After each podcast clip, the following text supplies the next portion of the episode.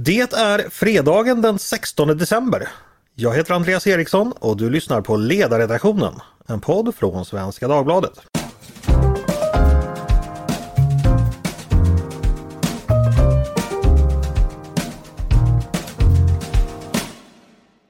Varmt välkomna till oss.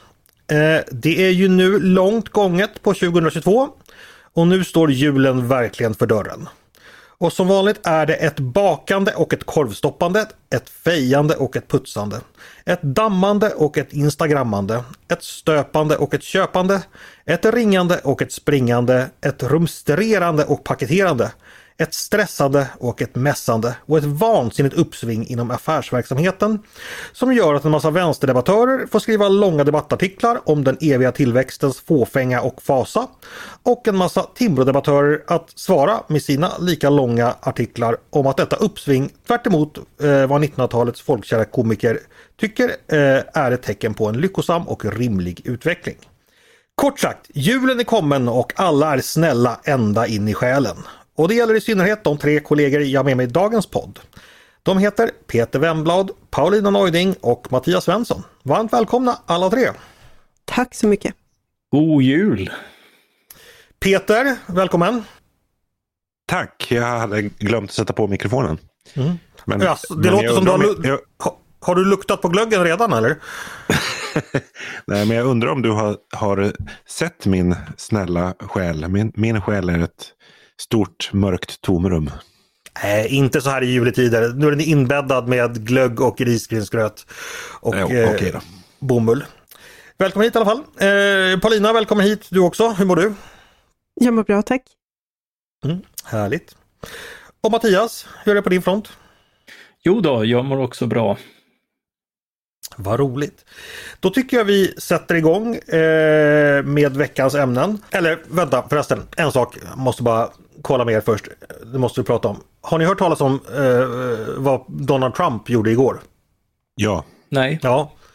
Berätta Peter, det är så roligt.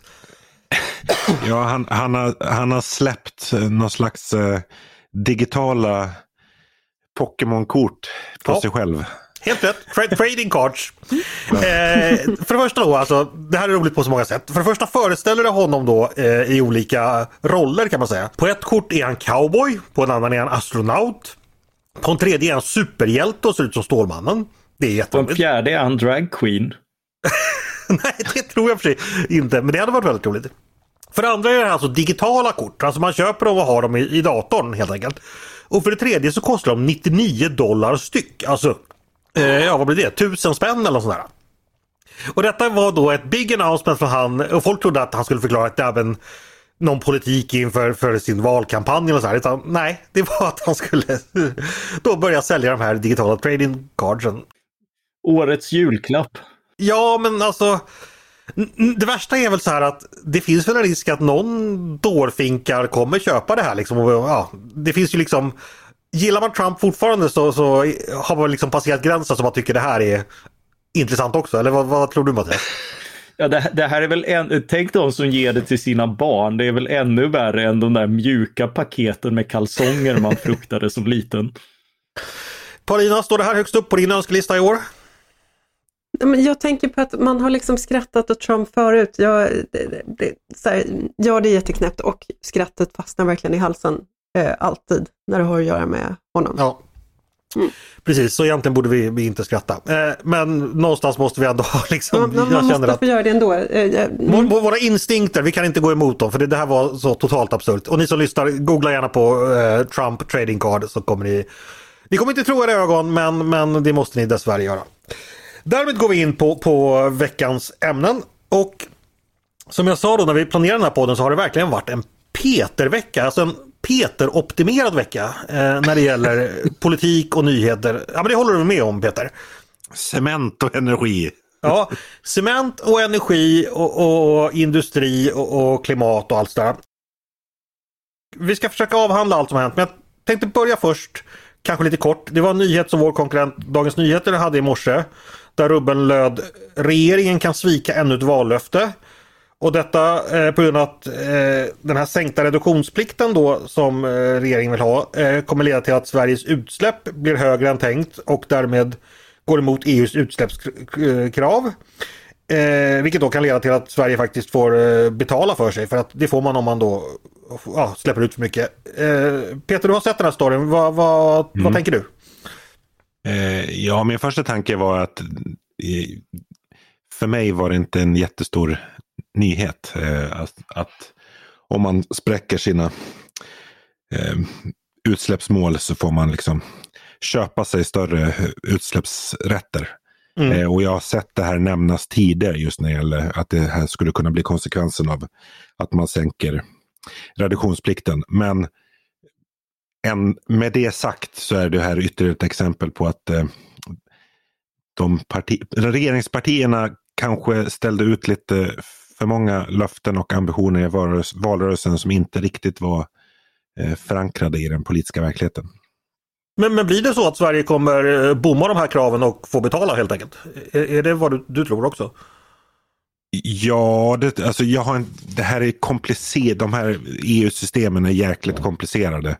Eh, men så fungerar ju EUs liksom, utsläppshandel. Att behöver man släppa ut mer än vad man får, då får man köpa sig den rätten från någon mm. annan. Och när kommer vi få veta det ungefär? Finns det någon har vi någon aning om det? Ja, det, det så, så insatt är jag inte i EU-maskineriet att jag kan svara Nej, på Okej, okay. vi, vi, får se. Vi, vi får se vad en, Energimyndigheten hade väl fått något uh, uppdrag att titta på det. Vi får se vad de kommer fram till. Okej, okay, vi, vi ska följa upp det. Eh, I DNs rubbe så användes ju ordet eh, ännu ett vallöfte och det är ju för att, eh, precis som du också antyder Peter, att det har dykt upp en del saker här eh, där regeringen inte riktigt har kunnat leverera på det man sa inför valet. En sådan fråga är då det här eh, ombesjungna och beryktade elstödet som ska komma oss elkonsumenter till del under vintern, eller när vintern mm. börjar ta slut i alla fall. Den har ju inte riktigt blivit vad man lovat, varken i när det kommer eller i formen det kommer. Eh, Peter, vad är problemet här? Lovade man för mycket före valet eller levererar man fel nu? Eh, vad är din bedömning? Ja, det har ju till och med energiministern själv, Ebba Busch, medgett att man inte levererar vad man sa att man skulle leverera. Ja, men jag, men, menar, är, är det, det gör man ju inte, men, men så säga, levererar man dåligt nu? Eller har man hittat en bättre lösning? Tänkte jag. Ja, så det beror på lite grann vilket perspektiv man ser. Ur ett, ur ett medborgarperspektiv, ur ett elkonsumentperspektiv så får man väl ändå säga att det är ett, ett eh, en sämre försäkring mot mot höga elfakturer än vad ett verkligt högkostnadsskydd skulle vara. Jag tror att många elkonsumenter förväntar sig att det skulle vara någon form av försäkring. Att så här, vad som än händer så kommer jag inte drabbas mm. så pass hårt att jag måste gå från hus och hem. Och det var väl vad vi... regeringen ja, sa också före valet? Ja, mm. och så är ju inte fallet nu. Nu får man ju då ett engångsbelopp eh, som är baserat på fjolårets eh, elanvändning. Mm. Och det, kom, det, kommer väl landa på liksom, jag tror det är väl max 10 000 kronor liksom för, mm. för vintern. Och det, det är ju helt väderstyrt här hur långt det kommer räcka. Mm.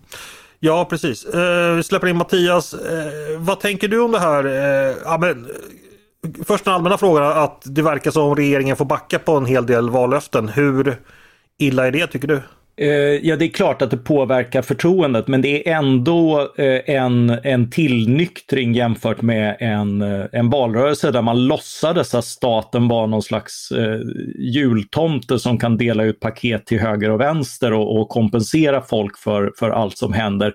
Eh, och den typen av retorik är vi vana vid från vänstern. Nu lockades högern eh, och, och köra den också och den stöter ju väldigt snabbt ihop med verkligheten när det ska finansieras. Det är fortfarande så att, att de här kompensationslöftena är de tunga delarna i, i budgeten för bensin och, och sen så så är det ju också staten som ställer till det här på elområdet genom att ta in en massa Eh, mycket av det här är ju avgifter eh, som går in till staten utöver vad man hade tänkt sig i det här konstruerade elsystemet.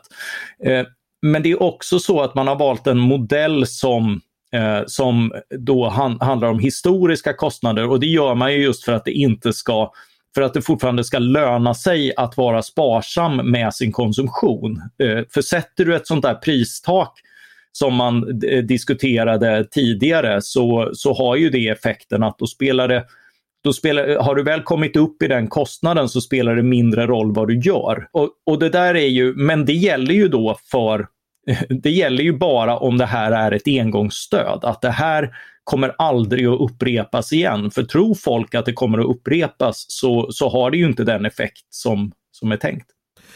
Mattias, ska staten överhuvudtaget ge pengar eh, till folk för deras elkostnader?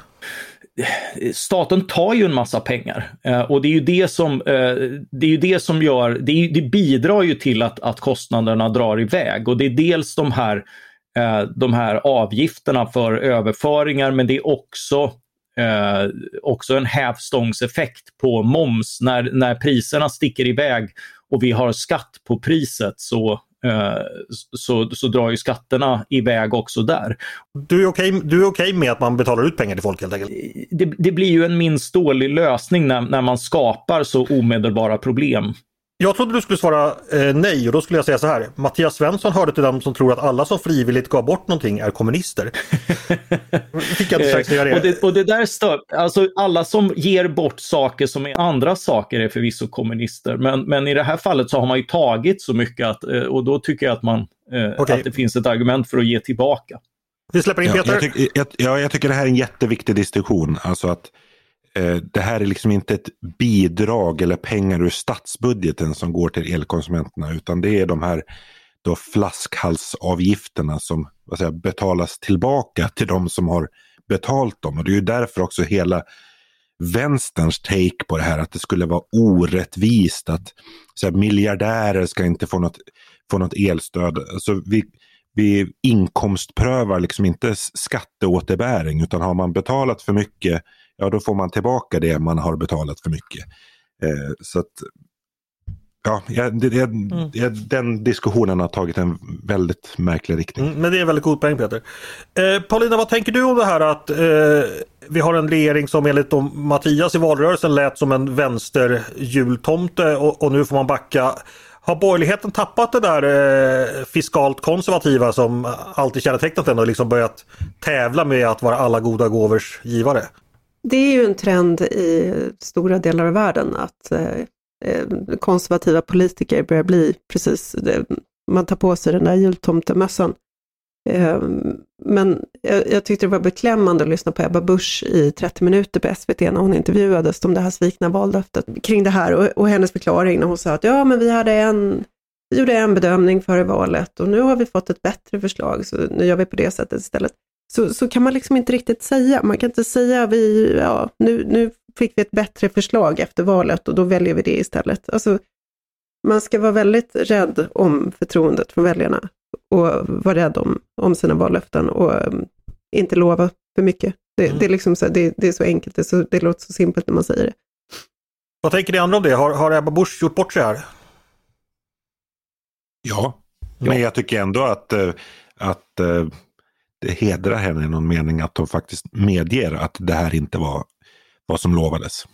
Mm. Ja, det är långt kvar till, till nästa val.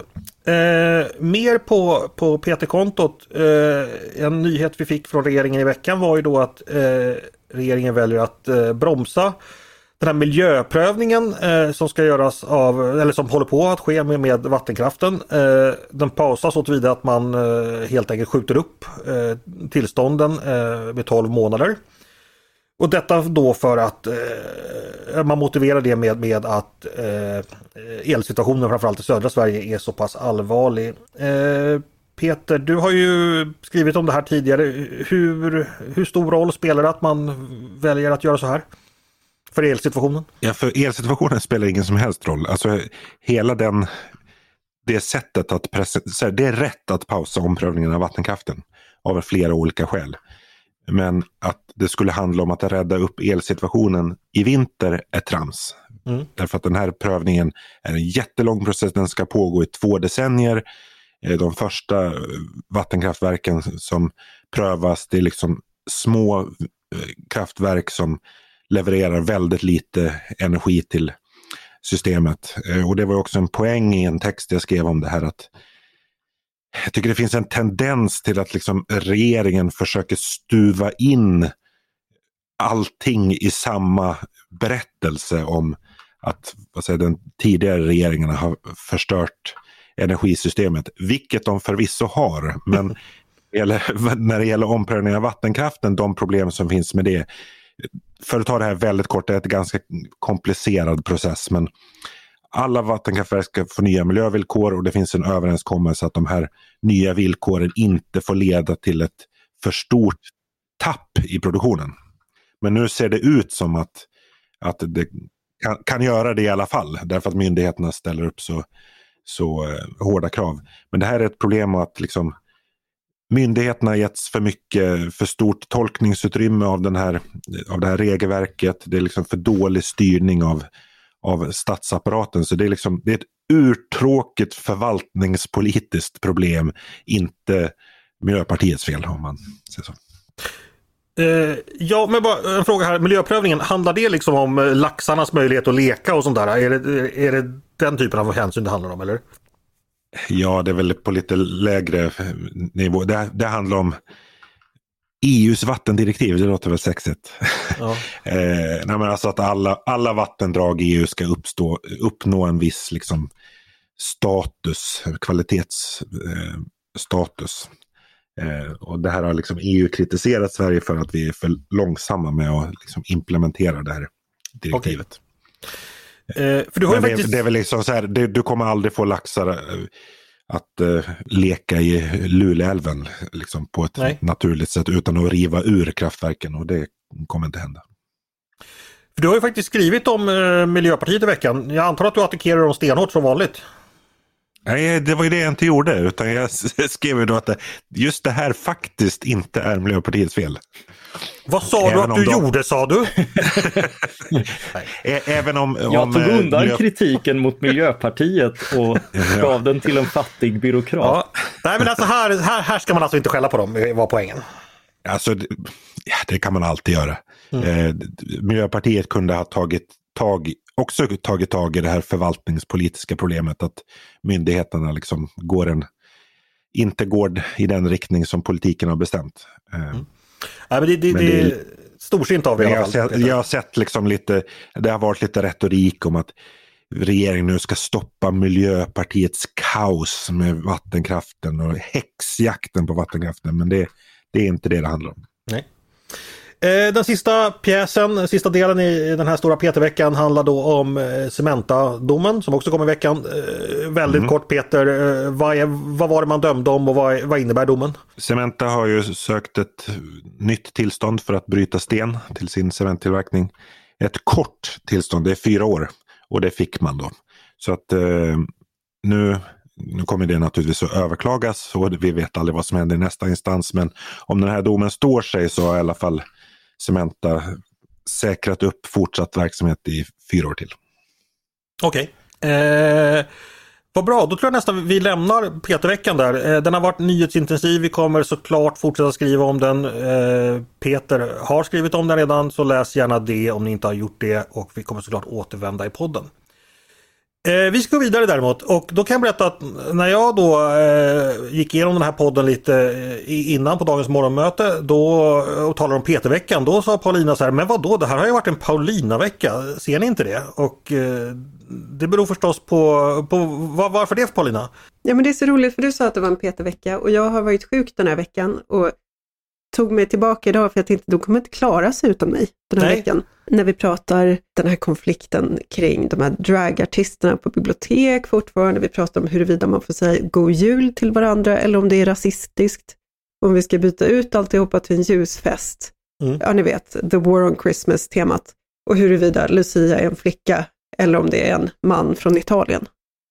För så är det ju. Det är ju då juletid, eh, högtid för många saker men också för kulturkriget. Eh, hjälm, och säk hjälm på och säkring av alltså. Eh, mm. Ska vi börja då med, med, med Lucia. Här har det då återigen varit bråk efter att den, den Sverigedemokratiska ordföranden i regionfullmäktige i Gävleborg eh, stoppade ett Lucia-tåg i, ja, i just regionfullmäktige som en lokal folkhögskola skulle genomföra. Eh, detta då tåget inte ansågs traditionellt eh, och närmare bestämt handlade det eh, enligt uppgift om att Lucian eh, ja alltså den som går först i tåget, eh, då var en icke-binär person. Eh, jag tycker den här storyn saknar några pusselbitar men jag har faktiskt inte hunnit ringa och kolla. Men vi får väl utgå från att den här, den här eh, nyhetsrapporteringen är, är, är någorlunda riktig. Eh, jag vet inte riktigt var vi ska börja men Paulina, varför, varför blir det sånt, här, sånt liv om det här enligt din tolkning? Därför att det blir en fråga om kulturkriget. Fråga för kulturkriget. Och, alltså, Lucia är ju det är ett av våra stora bidrag till världskulturen. Lucia är väldigt, väldigt speciellt och det är väldigt distinkt svenskt. Och alltid när man har den här diskussionen så är det alltid något smart skaft som berättar då att Lucia kom från Italien och det här är inte alls svenskt och saffran kom inte heller från Sverige och, och så vidare och så vidare i all oändlighet. Men, och, och det, det må vara hänt att Lucia var ett italienskt helgon, men det är fortfarande så att själva Lucia-firandet, de här, den här Lucian och tärnorna som tassar in i en kyrka och sjunger a cappella, eh, det är väldigt, väldigt svenskt. Och det är en mm. fantastiskt fin tradition med många lager av betydelse och Johan Glans, komikern, han, han har en stick om det här med att eh, liksom, vad är tunga fjät för någonting? Varför heter det stuva och inte stuga? Man fattar liksom inte vad det är frågan om. Och jag menar, det är ju en del av grejen. Det här är ju det är gammalt, vi förstår inte riktigt, det är många lager av tradition på det. det är, många människor har, har minnen från, äldre människor har minnen från sin egen barndom med Lucia. Det är lager av minnen, lager av tradition, lager av en massa, massa saker. Och det är väldigt, väldigt vackert. Och vi ska vara väldigt stolta över det. Mm. Men, men när det här blir en del av kulturkriget så är det så att man måste liksom, det, det är så mycket enklare att dekonstruera än att konstruera. Det är så mycket enklare att kritisera än att bygga. Alltså, en sån här tradition, den skapar man inte ur tomma intet, utan den kräver de här historiska lagren. Eh, och det är det som gör den så vacker. Eh, men det är väldigt lätt att riva ner den. Det är väldigt lätt att göra den till ett skämt. Så långt är jag med dig. Eh, men om det här då eh, blir ännu ett lager på en tradition, eh, alltså eh, ja, det du kallar kulturkrig. Är det så farligt då? För att traditioner tenderar ju att förändras och varje generation måste få göra den till sin. Är det något som så går förlorat av att någon Lucia är icke-binär och att man gör något normbrytande eller så här? Alltså... Nej men det, det finns ju en annan tradition här folk lägger upp väldigt mycket bilder på Twitter nu, så här är min pappa när han var Lucia 1972, haha, det är också en del. Mm. Ja, det är sant. Det finns en tradition av att skämta om Lucia. Mm. Genom att ställa en man längst fram med ljus i håret. Det, det blir ganska roligt, därför att det, mm. det går så på tvärs mot vad det Lucia, det här jungfru, den vitklädda unga flickan. Liksom. Det är klart, mm. det är jätteroligt att ställa en man längst fram. Det gjorde vi i min klass också. Vi hade också en kille som var Lucia, det var ett skämt. Liksom. Men så här, min familj är inte svensk och inte kristen. Vi uppskattar Lucia något enormt, därför att det är, alltså, det är mycket roligare att integreras i ett land som eh, kan visa stolta, fina, vackra eh, traditioner som den här, än ett land som försöker tömma sig själv på traditioner. Det, mm. det är liksom inte, det är inget kul att integrera sig eh, Jag kommer ihåg, jag var på en arbetsplats för ganska många år sedan och så kom det in ett sånt här Lucia-tåg. Och så stod vi alla liksom sådär som man blir, man blir helt hänförd när det är a cappella-sången och det är så vackert och det är allt det där. Och så tittade jag på två kollegor. En som var en Eh, kvinnan närmare pensionsåldern och en ganska nyanländ migrant från Sydostasien och de stod bredvid varandra och de hade båda den här blicken, det här wow, gud vad det här är vackert. Och hon hade då kanske egna minnen av det här och barnen på dagis, hur de gjorde det här och så vidare. Och för honom så var det wow, vilken fantastisk svensk tradition. Så, så att man möter, eller jag vet inte, föreställde jag mig, men jag, jag, tittade på de här två och tänkte så här, det här är betydelsefullt för er båda uppenbarligen och förmodligen på två olika sätt. Och det är väldigt vackert och det är väldigt värdefullt. Frågan är, ja det är klart att vi ibland skämtar om Lucia. Det är klart att vi skämtar och, och sätter liksom eh, säger att en 50-årig mellanchef med eh, tynande hårfäste kan vara Lucia. Det är ett roligt skämt. Men, men när ska man sätta in det skämtet? Är det, är det de där två på min arbetsplats som ska få skämt Lucia? Kan inte de få en riktig Lucia? Det kanske är betydelsefullt för dem. Mm. Och alltid när den här traditionen ska visas upp, när det är på allvar, när det är Lucia på svenska ambassaden eller Lucia i svenska kyrkan i något annat land, när man ska visa upp liksom, den här fina traditionen. Inte tusan är det en man som står där längst fram, det är ju en ung tjej. Därför att det är det som är, alltså det är den här ljusa, kvinnliga eh, a cappella-sången. Det är den här kvinnliga närvaron. Det är ju det som är grejen och sen de här stjärngossarna som kommer efter. Det, det, det är ju hela, hela konceptet som är grejen. Och när det är på allvar, då, då tillåts det vara så. Men, men vilka ska vara föremål för den här lucian som inte är på allvar? Är det alla vi andra? Mm. Eh, om jag frågar så här direkt, tycker du att den sverigedemokratiska ordföranden i Region Gävleborg gjorde rätt som stoppade ett Lucia-tåg, eh, om det då, nu vet vi inte hur det egentligen såg ut, men om det då var icke-traditionellt? Är det en rimlig motivering? Det, för mig låter det skruvat att en politiker kan gå in och stoppa ett Lucia-tåg, men jag känner inte till bakgrunden. Nej, det är ju för en annan vem, fråga. Vem, beställde, vem beställde Lucia-tåget? Varför var de där? Vilka, vad, vad, vad var kontexten? Vad, i, i vilken... Ja, faktum var väl att han in, inte stoppade Lucia-tåget. Han tackade nej. De tackade nej. Ja, ja de tackade nej. Ja. Mm. Och, och, och, det för mig låter inte speciellt allvarligt att man tackar nej till ett erbjudande. Men, men jag kan inte den bakgrunden. Det, nej, nej, men jag, jag renodlade frågan nu. Vi, vi, kan, vi kan lämna ja, det faktiska exemplet. Alltså... Ja, det, för mig låter det skruvat med en politiker som går in och stoppar ett Lucia-tåg, men det låter inte lika skruvat med en som säger ja men nej tack. Liksom. Mm. Mm. Glöm den frågan. Är det rätt att eh, säga så här att eh, icke-traditionella Lucia-tåg, eh, att säga nej tack till det. Det finns en poäng i att man ska upprätthålla den här traditionen så som vi uppfattar att den har sett ut tidigare. Därför det... att den är värdefull och skänker glädje. Ja, ja, ja, en, annan, alltså, en del av Lucia är att man går runt, det, det, Lucia tog på arbetsplatser, det är på äldreboenden, det är på förskolor. Var någonstans eh, ska man ha den där Lucian som inte riktigt är på allvar, som är en normkritisk Lucia eller en, som blir någonting annat än själva det här firandet. Jag vill, inte, jag vill gärna se en traditionell Lucia, jag tycker det är fint. Och när jag är på, som jag var en gång, i en kyrka i Milano, där man har ett svenskt luciafirande, då vill jag gärna att det är ett riktigt traditionellt luciafirande. Därför det är det jag vill visa upp som svensk, som, som någonting som jag är väldigt stolt över. Mm. Botox Cosmetic, out of botulinum toxin A, FDA approved for over 20 years. So, talk to your specialist to see if Botox Cosmetic is right for you. For full prescribing information, including boxed warning, visit BotoxCosmetic.com or call 877-351-0300. Remember to ask for Botox Cosmetic by name. To see for yourself and learn more, visit BotoxCosmetic.com. That's BotoxCosmetic.com. Mattias, är det traditionella luciafirandet lika viktigt för dig?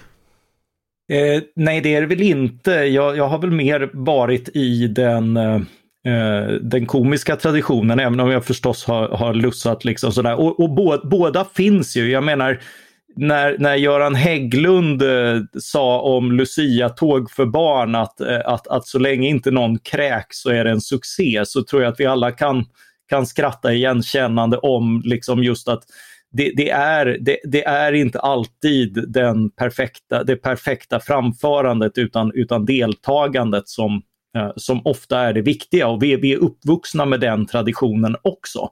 Eh, men Paulina har ju poänger i att, att det handlar just om sammanhang och sådär. Det finns ju eh, det finns ju alltid en frestelse för, för oss lustigkurrar att förstöra när det blir högtidligt. Eh, eller mm. skoja till det när det blir högtidligt det kan bli bra, det kan bli mindre bra. Det har alltid funnits den spänningen och, och jag menar eh, och, och, det måste få finnas men, men då måste man ju också kunna, kunna säga att ja, nej, men nu landade det inte särskilt mm. bra. Det här blev inte vad vi, vad vi efterfrågar och så vidare. Därför att, det, att, att komma in i en stämning, eh, det finns ju absolut ett värde i det. En viktig sak här är att nu beskriver Paulina alternativa eh, eller icke-traditionella lucia som en sätt att skämta eller att det ska vara en kulturkrig eller provokation. Eh, vi vet inte om det var så i det här aktuella fallet.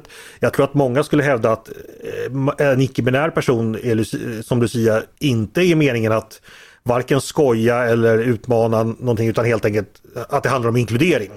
Ja, att, att, att, gå in, att gå in i en roll som man faktiskt fyller. Ja, men också och att den traditionella eh, traditionen är väldigt exkluderande för om bara den vackra blonda kvinnan kan vara Lucia så är det väldigt många av oss som aldrig kan få den huvudrollen bara på grund av vårt kön och utseende. Ja, eh, jag vill men, bara påpeka det. det är också en del, jo, jo, men alltså det här med det finns ju en typ av exkludering som också är en del av livet. Ja, Alla vi som är kvinnor 40 plus är inte heller självklara lucior. Och det är okej. Det, det är liksom, Ja, så kan man ja, det är åld- ålderistiskt, men, men det är också en del av livet. Liksom. Jag tänker på under coronaåret, den här, SVT gör ju fantastiska Lucia-produktioner. Om, om man har missat dem så kolla gärna på dem på SVT Play, för de är, de är verkligen jätte, jättefina med en jätte, jättefin tonträff. De är verkligen magiska. Eh, och under coronaåret så hade de Lucia från Jukkasjärvi, tror jag. Eller om det var Dalarna. Jag tror att det var Jukkasjärvi. Det var långt det var norrut liksom- i alla fall, minns jag. Ja, precis. Nej, eh, jag tror att det var dollarna förra året. Eh, Tällberg förra året. Eh, men, men det var så... Eh, jag, jag kan verkligen föreställa mig att det var betydelsefullt för många människor som bara hade tv att tillgå det året eftersom det var social distansering och allt det där. Och det var så jätte, jättefint gjort. Och det har ett värde. Just det här som Mattias säger, kan det inte få vara högtidligt ibland? Mm. Må- Måste vi liksom rygga tillbaka inför det som är högtidligt, som väcker dem, den typen av känslor som visar att ja, men, hela berättelsen är ju helt eh, berättelsen kring det, ljuset i mörkret och allt det där. Det är ju väldigt, väldigt vackert och det är så vackert gestaltat.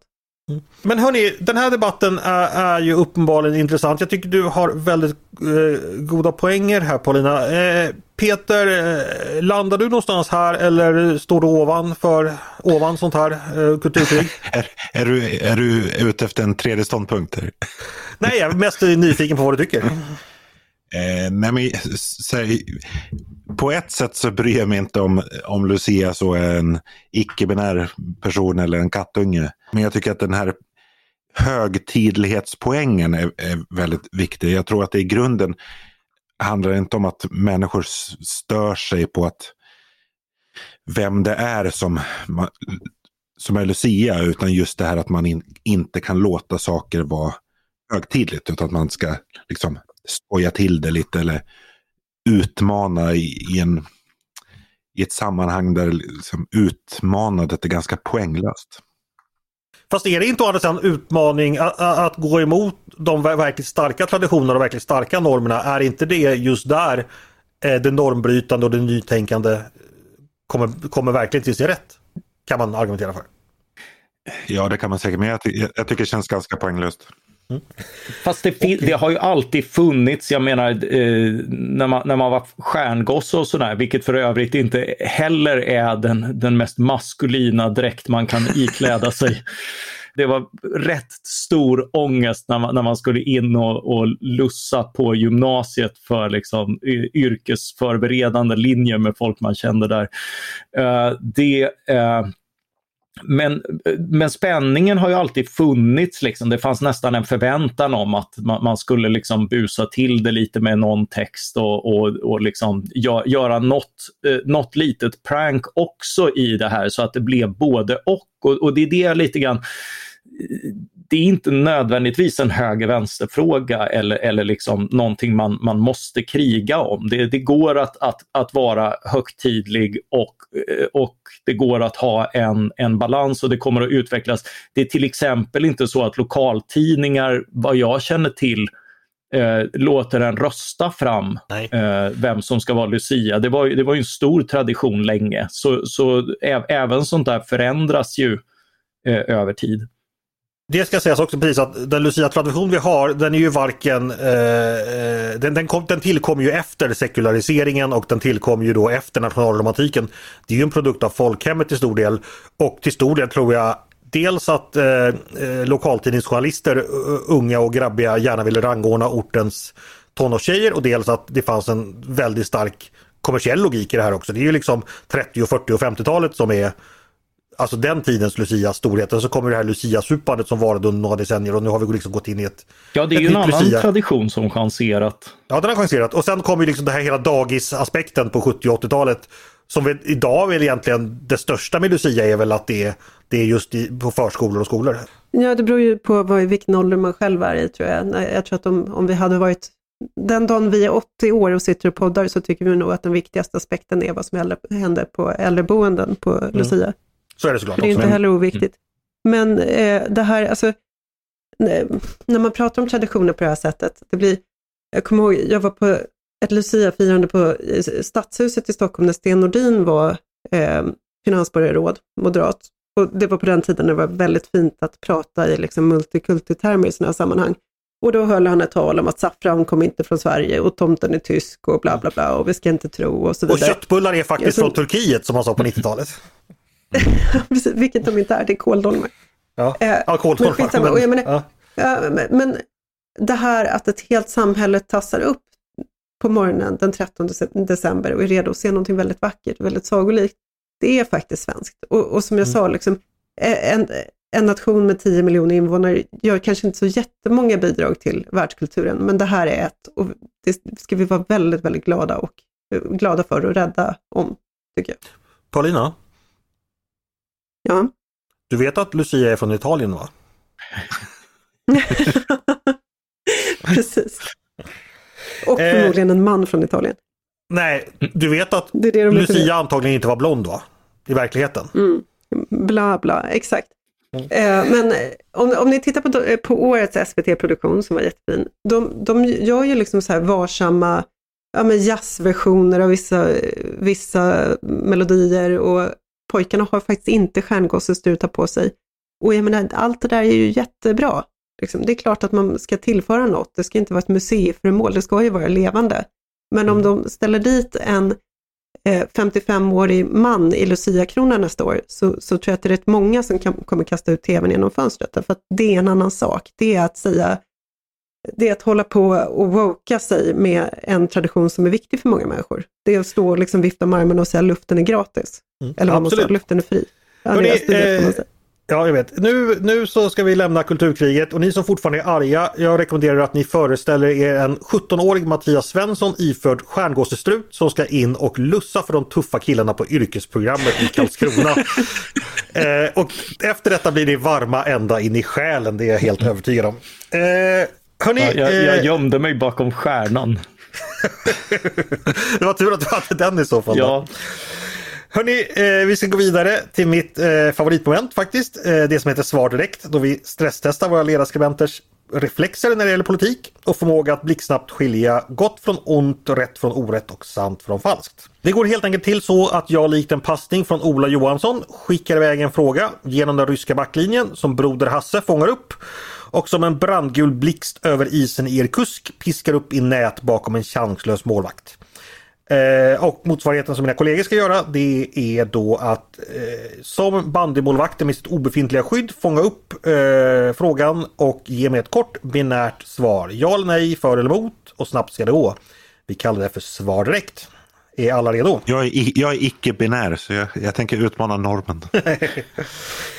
Då kör vi! Anna Tyllström är docent i företagsekonomi. Hon skriver på DN Debatt att det behövs en reglering kring politiker och tjänstemän i kommunsektorn som går över till PR-branschen.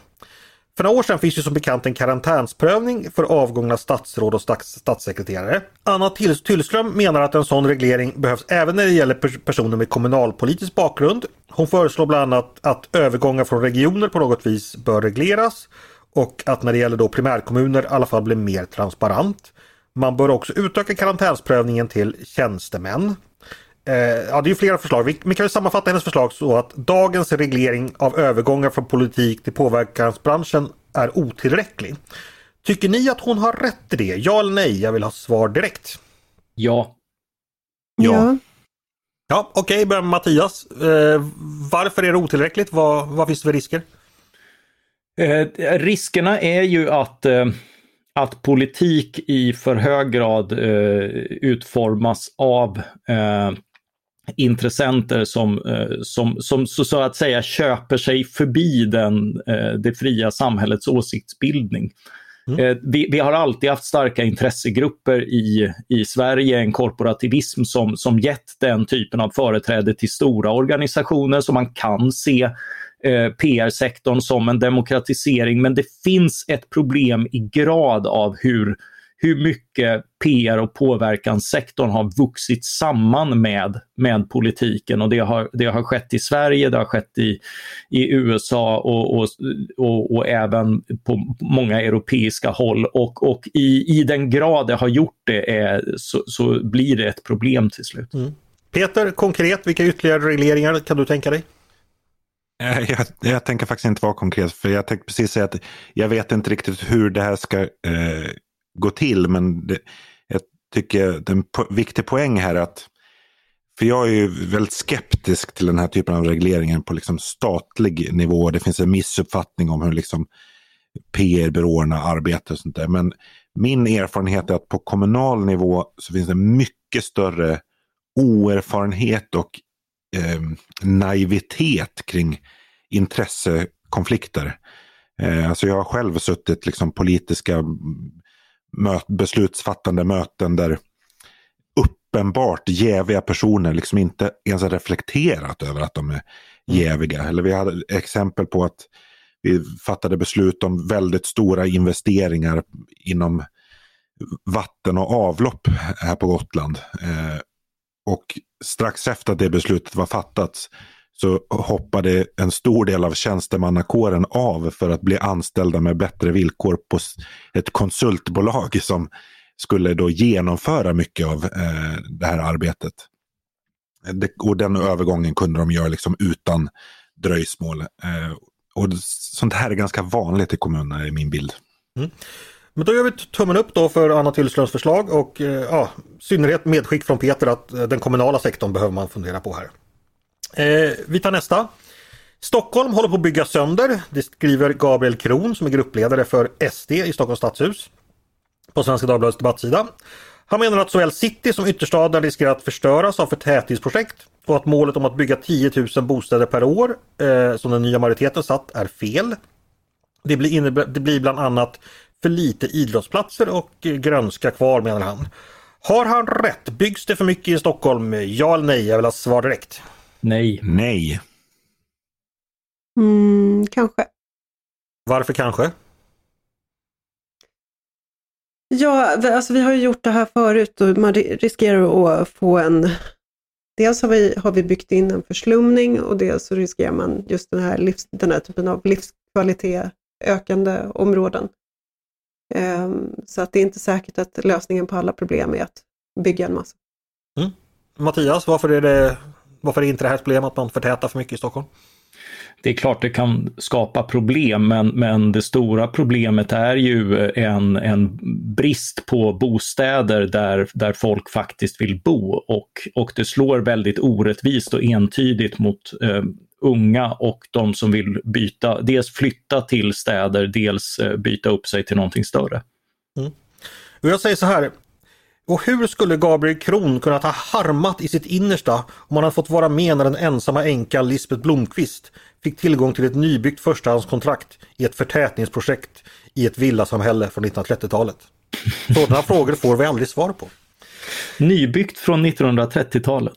Nej, förtätningsprojekt i ett villasamhälle från 1930-talet. Ja. Alltså man smälte upp massa höghus i Enskede så att mediecheferna får sin eh, mm. utsikt skymd. Mm, säger du Paulina. Ja, Okay. Mm, precis. Hörni, vi tar en till. Eh, tvärförbindelse Södertörn är en ny motorvägsförbindelse i södra Stockholm eh, som har planerats länge och nu står inför byggstart.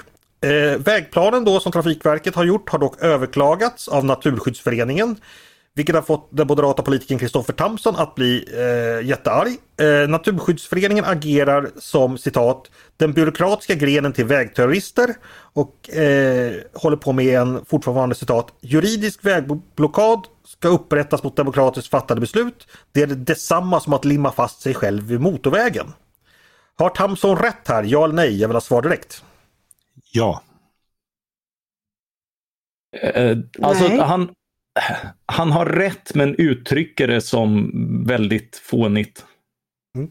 Paulina? Mm, ja, ja, ja, jag vet inte om det är fånigt men eh, problemet är ju liksom att, att det finns en sån miljöbalksjuridifiering av allting och det är ett problem.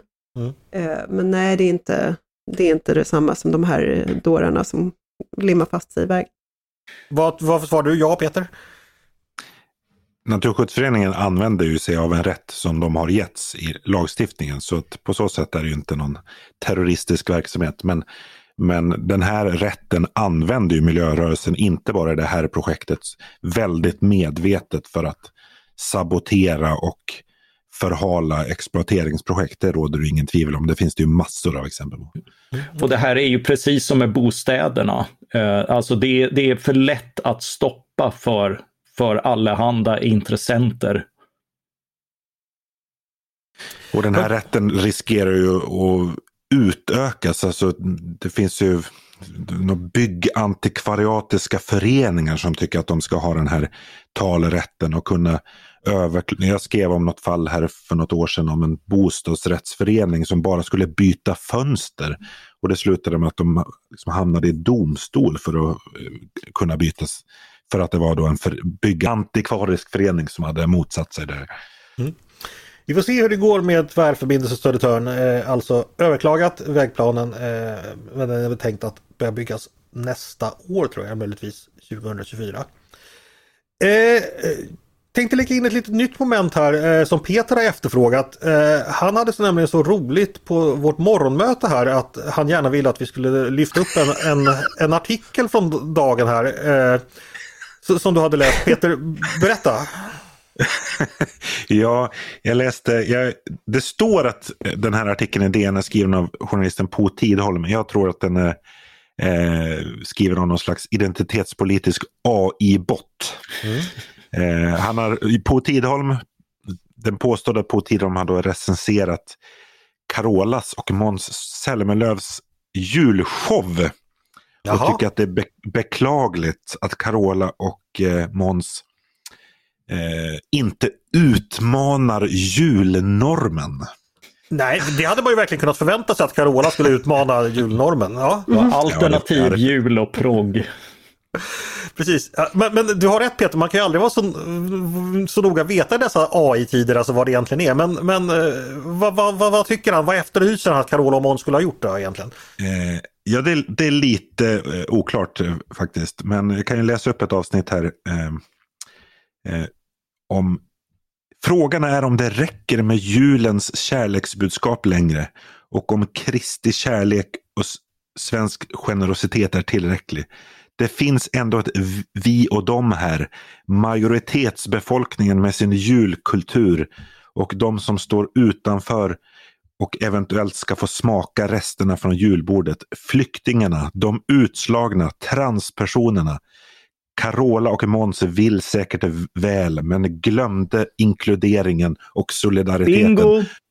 De, de glömde att utmana julnormen. Fast jag måste säga, jag känner mig lugnad nu. Det känns ju ganska, om det där är det bästa som AI kan åstadkomma, för det här skulle ju ingen riktig journalist ha skrivit naturligtvis. Om det här är det bästa som AI kan åstadkomma, då är vi ganska långt från att maskinerna tar över, känns det som, eller? Inte på DN då. ja, eh, nej, men det, den får man då läsa i vår konkurrenttidning DN ifall man eh, känner för att eh, fundera på varför Måns Zelmerlöw och Car Carola Häggkvist men och rubriken också inte utmanar. Så här, kristna budskap och amerikanskt medelklassmys med Måns och Carola lyder rubriken. Och här finns det då en kritisk underton. En annan fråga sig, är det inte det som är julen? ja. Ja, vad säger du Paulina, kulturkrigsgeneralen? Vad är det som är julen egentligen? Eller är det ursvenskt? Ja, men precis. Men den här, jag förstår inte den här föreställningen om att om man tillintetgör sig själv, tror man att man blir mer ett, ett trevligare land att integreras in i? Eller tror man att man blir ett eller förstår man inte att man blir ett tråkigt eh, land, oattraktivt att integreras in i om man, inte, om man tillintetgör sina egna traditioner och blir precis sådär jag-svag som Putin vill bli... att vi ska vara det hade ju kunnat bli ett fantastisk tillställning att liksom se publikreaktionerna när Måns och mm. Carola utmanar julnormen. det hade jag kunnat betala för tror jag faktiskt. Ja, ja precis. Nej, det är som sagt, det, det är lätt att dekonstruera, det är rätt att kritisera, eh, lätt att kritisera och riva ner och väldigt svårt att skapa någonting annat med någon slags innehåll. Hörni, eh, vi ska gå vidare. Eh, det har faktiskt blivit dags för mitt eh, favoritmoment. Eh, det är det som vi kallar smartare än ledarskribent. Och då ska jag börja med en rättelse, eller snarare en upprättelse. Eh, och den som ska rättas upp, det är Paulina. För för några veckor sedan så, var det, så hånades du på ett otäckt vis av programledaren i den här podden för att du trodde att eh, Exodus inte var latin från början. Eh, och det hade ju du helt rätt i för Exodus är ju då ursprungligen ett grekiskt ord. Då. Det är latin men Mm. det, det kommer från, från grekiskan då. Så jag vet inte riktigt hur jag ska göra. Jag, ska, jag faller på knä. Men jag, får, nej, men jag, jag- får, jag får skylla mig själv. För när du sa, jag sa, tror jag, är inte det grekiska och inte latin? Och så sa du, nej men det är latin. Och så sa jag så här, ja men gud, ja det är det ju. Så, här. så att Exakt. jag, jag, jag, bör, Du får- Mm. jag började ju förhåna mig själv. Så att jag, jag kan inte få någon upprättelse. Nej, skulden är helt och hållet, hållet din. Eh, det låter rimligt. Ja, Nej, men all, allvarligt precis. talat, det, det är framförallt skulden ska betalas till våra lyssnare. Ni som har gått omkring och eh, i tre veckor sagt till alla vänner att eh, Exodus, det, det är minsann latin det. Eh, vi ber om ursäkt till er att ni ska kunna lita på det, det vi säger här i För podden. mig var det rena grekiskan i alla fall. Men hörni, ni känner till nästa moment. Eh, Jag testar ledarsidans skribenter på några triviafrågor som anknyter till dagens diskussion. Eh, Ni som lyssnar är med eh, och leker ifall ni vill eh, och svarar ni snabbare och mer korrekt mina frågor än vad Peter, Mattias och Paulina gör. Då är ni helt enkelt smartare än en ledarskribent. Och då behöver ni inte ens fundera över avståndet till en poddredaktör. Bo, Är ni redo? Inte, nej men bo, Andreas, borde inte vi ta fram någon sån där duo-app så lyssnarna själva kan vara med? Ja, jag, fick faktiskt ett, jag har faktiskt fått mejl från läsare som vill att jag ska skriva ner de här frågorna så de, de kan använda i egna quiz. Eller de är ju nedskrivna i mitt manus. då, egna quiz i, i, i bekantskapskretsen. Och det var ju faktiskt ganska hedrande att det fanns en efterfrågan på Du, det. du får ge ut dem. Andreas quizbok. Eh, den, kommer nog inte sälja så bra. Eh, hörni, eh, reglerna kan ni. Man svarar genom att säga sitt namn. Vill man chansa innan jag läst färdigt frågan så får man det. Men då slutar jag läsa och då riskerar man dessutom en minuspoäng. Eh, man får bara svara en gång per fråga. Och vinnaren får en veckas evig ära. Är det okej med alla? Ja, då. Ja. Då kör vi. Fjärde advent firar vi på söndag, så fjärde får vara lite av ledstjärna i dagens frågor. Eh, och då börjar jag med så här. Eh, 4 oktober var länge ett viktigt datum inom svensk borgerlighet då det förknippas med motståndet mot löntagarfonder. Men vilket år skedde den första och ursprungliga 4 oktober-demonstrationen? Som Var en av Mattias. oss... Mattias? 1983. Det stämmer bra det. Ett poäng till Mattias, går upp i ledning. Snyggt! Jag tror ni andra kunde det här men Mattias var snabbare. Oh, ja. Eh, 4 juli, att det är USAs nationaldag, det vet alla. Men vad exakt firas detta datum till minne av? Paulina, Paulina, låt höra. självständighetsförklaringen, Lite mer än så vill jag ha. skrevs under denna dag. Ja, du får rätt på det. Den ratificerades av kongressen denna dag. Eh, ett poäng till Paulina. um, mm. Hörni, eh, fjärde ytstridsflottiljen är som alla vet baserad vid Berga i Haninge söder om Stockholm.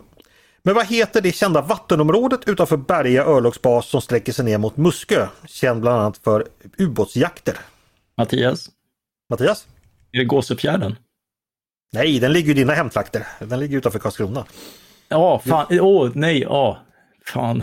Ja, det här.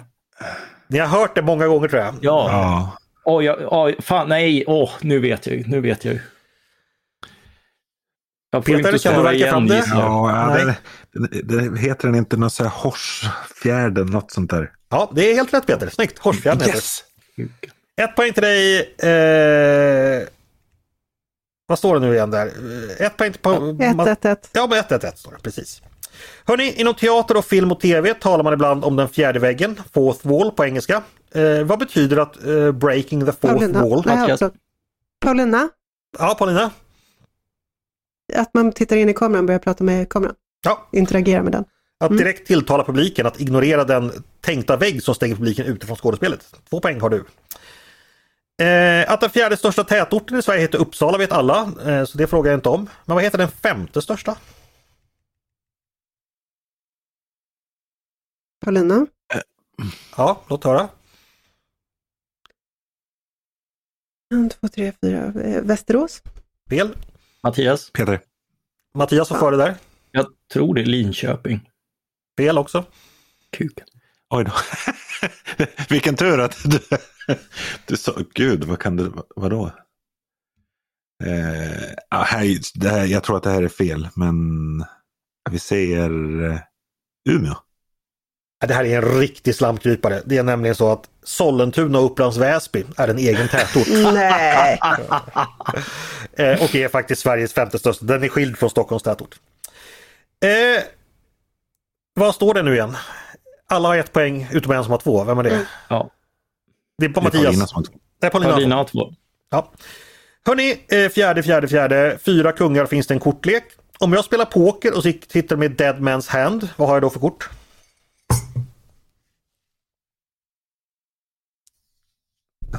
Här blottar man sina pokerkunskaper. Ja. Ja, det här är väldigt svårt. Eh, man har då par i S och åttor. Eh, och allting ska gå i svart, så klöver och spader. Efter då en eh, känd revolverman i vilda västern som heter Wild Bill Hickok som ska ha blivit skjuten precis när han hade Just de här det. korten på hand.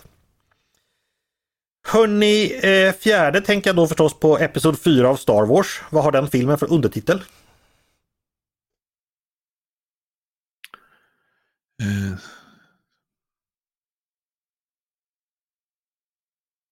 Åh, gud vad pinsamt. Det var ingen sekund i det. Den har... Eh, Eh, ja. Mattias, vill du svara? Men eh, fjärde är väl den första, heter inte den något A New Beginning? Ja, du är nära. Den heter A New Hope. Åh, Vi jag har, aldrig, jag har aldrig sett Star Wars. Det ska vi göra någon gång Paulina. Ta ett maraton. Mm, det måste, vi måste ha en. Ja, Och då ska vi se Det, den i den här. det, det är bara nio filmer Paulina. Det det tar ni på en, klämmer ni på en eftermiddag. Det är bara nio filmer så det klämmer ni på en eftermiddag. tack. Hörni, det är fjärde advent snart och då stundar ju snart jul som vi har konstaterat flera gånger i den här podden. Jul firar man kanske genom att spela musik. Eh, så därför ska jag avsluta med några frågor om kända julsånger. Nu tändas tusen juleljus känner alla till. Men vilka gjorde den något mer svartsynta versionen av låten som heter Nu släckas tusen människoliv? Mattias, Ja, Paulina. Mattias var först. Ebba Grön. Helt rätt, du går också upp på två poäng. Ett stilla stålblåsken lyser upp vårt vardagsrum, sjunger ju Ebba Grön. Eh, I Tomtens verkstad eh, i Kalanka spelas en känd marsch, marsch militär nummer ett. Vem har skrivit den?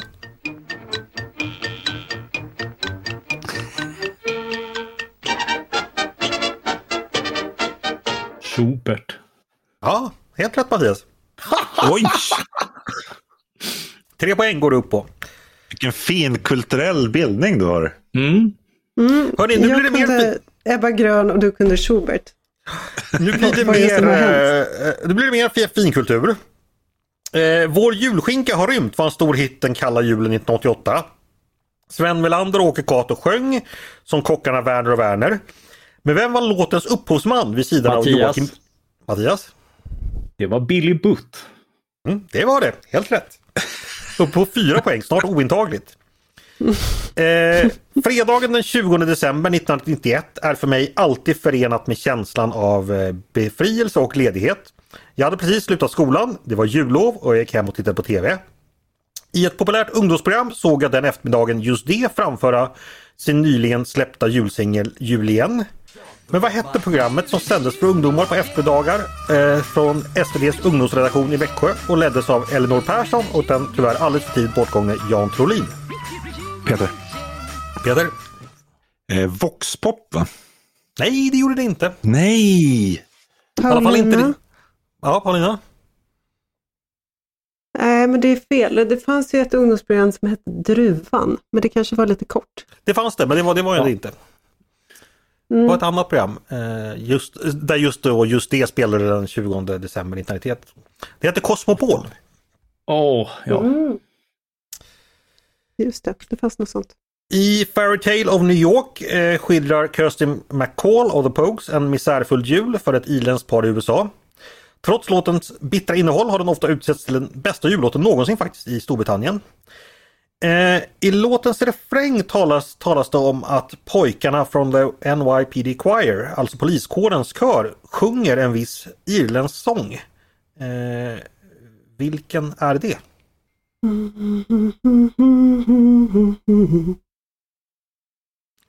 The Boys of the NYPD Choir. Och Det är ju då irländskt tema. The bells are ringing now on Christmas day. Men det är inte låten. Nej, men du har rimmet där. Det är ju så att New Yorks poliskår anses ju traditionellt ha, eh, i alla fall tidigare, varit befolkad av just många irländska ättlingar. Den hette Galway Bay.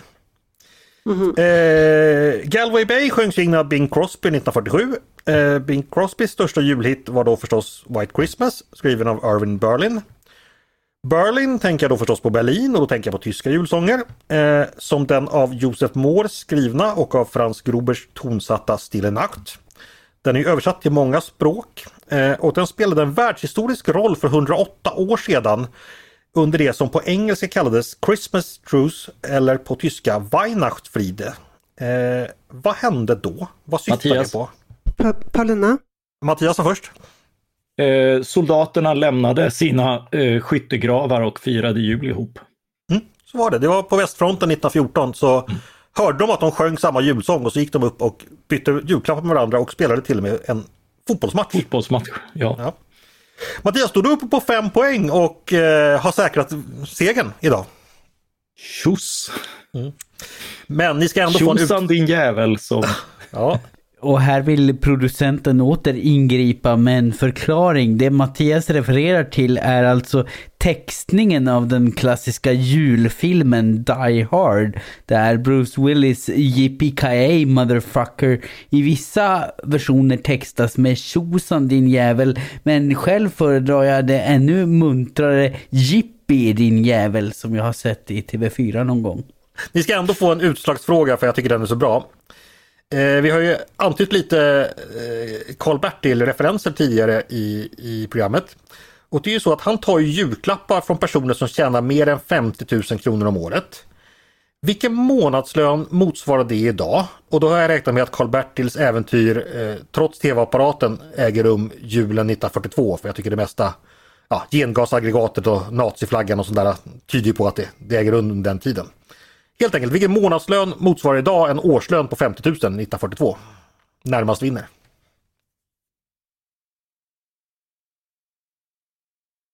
Hur rik behöver man vara? Eller hur mycket måste man tjäna för att Karl-Bertil ska ta ens julklappar?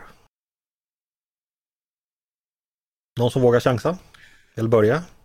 250 000. 250 000 kronor i månaden? Och det, det sa jag också fast med micken avstängd. Så då tar, då tar jag 251. 270 275. 275 000? Vad tror du Paulina? 200 000.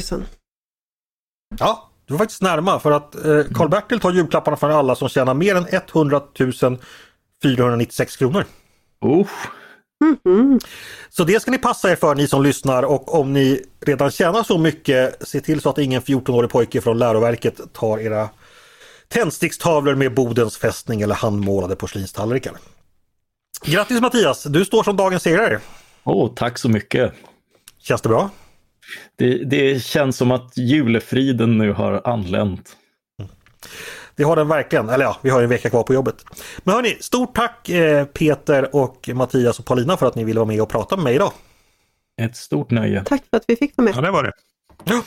Och tack till er som har lyssnat också på Ledarredaktionen, en podd från Svenska Dagbladet. Ni är varmt välkomna att höra av er till redaktionen med tankar och synpunkter på det vi precis har diskuterat. Eller om ni har förslag på det vi ska ta upp i framtiden. Då eh, skickar ni bara ett mejl till ledarsidan snabel-a svd.se. Stort tack för idag! Eh, dagens producent, han heter som vanligt Jesper Sandström.